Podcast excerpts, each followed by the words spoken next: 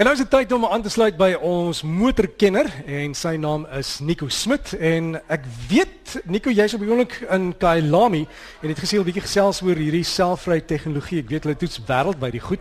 Ek hoop dit gaan baie goed met jou. Môre Dirk, ja, dit gaan regtig goed met my, veral as ek bietjie op die baan kan wees. Aangesien jy bietjie besluit het om weg te glip by die ateljee, toe besluit ek ook om my kans te gebruik. Ehm um, Uh eh, selfry tegnologie is eh, dit waar dit vandaan kom is ek het uh, verlede week ry ek huis toe um, in Pretoria en ek sit in die verkeer en ek besef weer die frustrasie van ons almal wat in die verkeer sit in, in 'n groot uh, oorsaak in Suid-Afrika van verkeer in, in die wêreld gewoonlik is net volgafstande wat mense nie hou nie.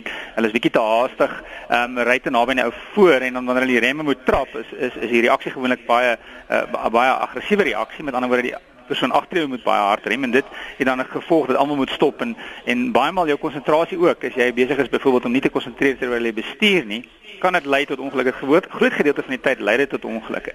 En nou onlangs het BMW gesê hulle kyk na 2020 dat hulle voertuie selfry tegnologie gaan hê. Ehm um, en ek weet al in seker vervaardigers, byvoorbeeld Mercedes-Benz se E-klas of Audi se se A4, is daar 'n 'n mate van selfry tegnologie. So ek het besluit om net bietjie te gaan kyk na wat is die verskillende vlakke van selfry tegnologie want as ons praat van selfry tegnologie is dit um, is daar was daar vroeër vir my 'n bietjie onduidelikheid presies wat bedoel die vervaardigers met met selfry tegnologie. So daar is ses vlakke van selfry tegnologie. Uh die eerste vlak Ehm um, kom ons sê in Engels praat hulle van level 0 of vlak 0. Ehm um, is 'n gewone kar wat jou net 'n waarskuwing kan gee as daar iets fout is. Byvoorbeeld as die olie laag is, sal die kar jou 'n waarskuwing gee.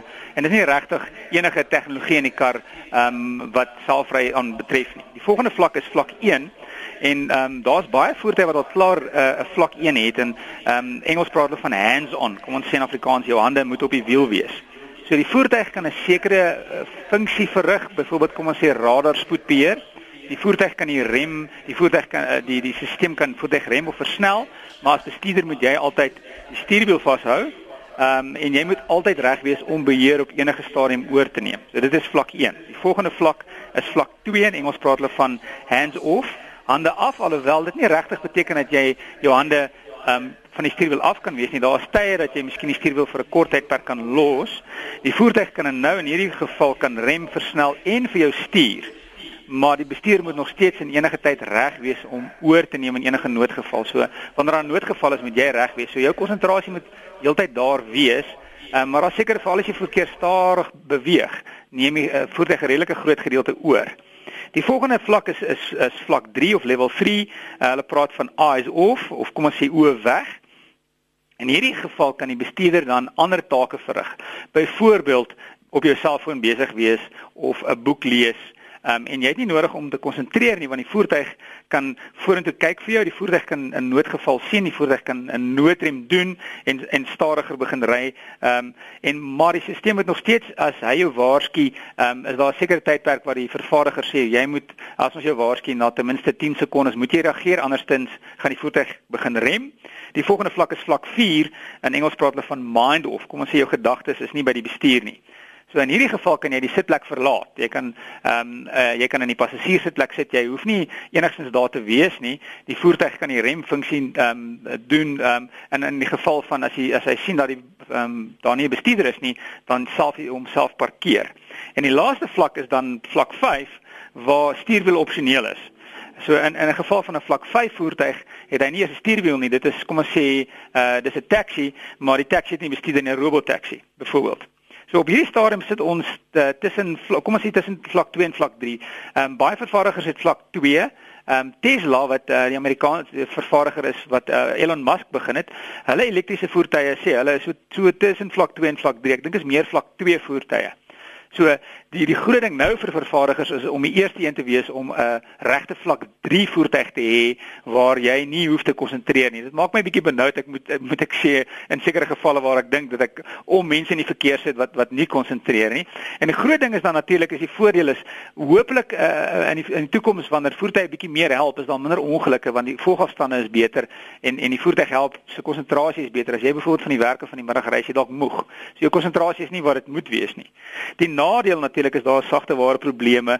Jy het baie gespesialiseerde toerusting nodig. Wat gebeur is is is as iemand byvoorbeeld inbraak maak in jou voertuig met ander woorde elektronies. En Engels praat hulle van hack. Wat gebeur as hulle jou voertuig hack? En dan die ander ding wat nog nog steeds vir die vervaardigers moeilik is met die hoër vlakke. Sê nou byvoorbeeld daar's 'n verkeersbeampte wat jou aftrek.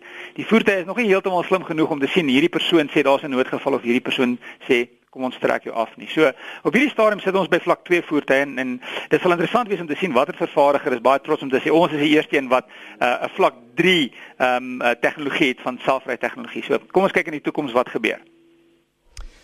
Sterkte daarmee. Ek weet nie of ek so 'n motor ooit sal vertrou nie. ek is ook redelik benoud moet ek jou sê Derek. Ek is redelik benoud om om om alles in die voertuig oor te laat. Ek het al met die uh, met vlak 2 voertuie gery. Ehm um, en en en ek moet sê dit is lekker in 'n mate dat jy bietjie meer kan ontspan, maar jy kan nie heeltemal ontspan nie. Jy moet nog steeds konsentreer op wat om jou gebeur. So ek verkies maar 'n stuurwiel moet ek sê. Hmm, want hulle is nou besig om die groot vragmotors op te toets wat dit kan doen. Ek wonder net of daai ding oor jou sal ry en hy sal dit nie weet nie.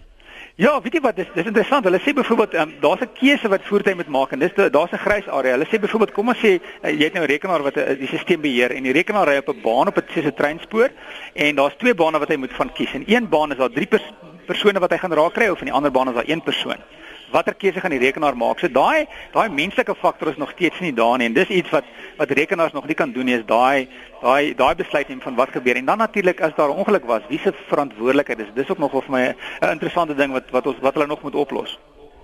Nico, alles van die beste en ek hoop jy het 'n uh, baie produktiewe dag agter die stuurwiel vandag en ek hoop jy ry lekker. Dankie en uh, lekker geniet die die skou in Durban in uh, Pietermaritzburg, Dirk.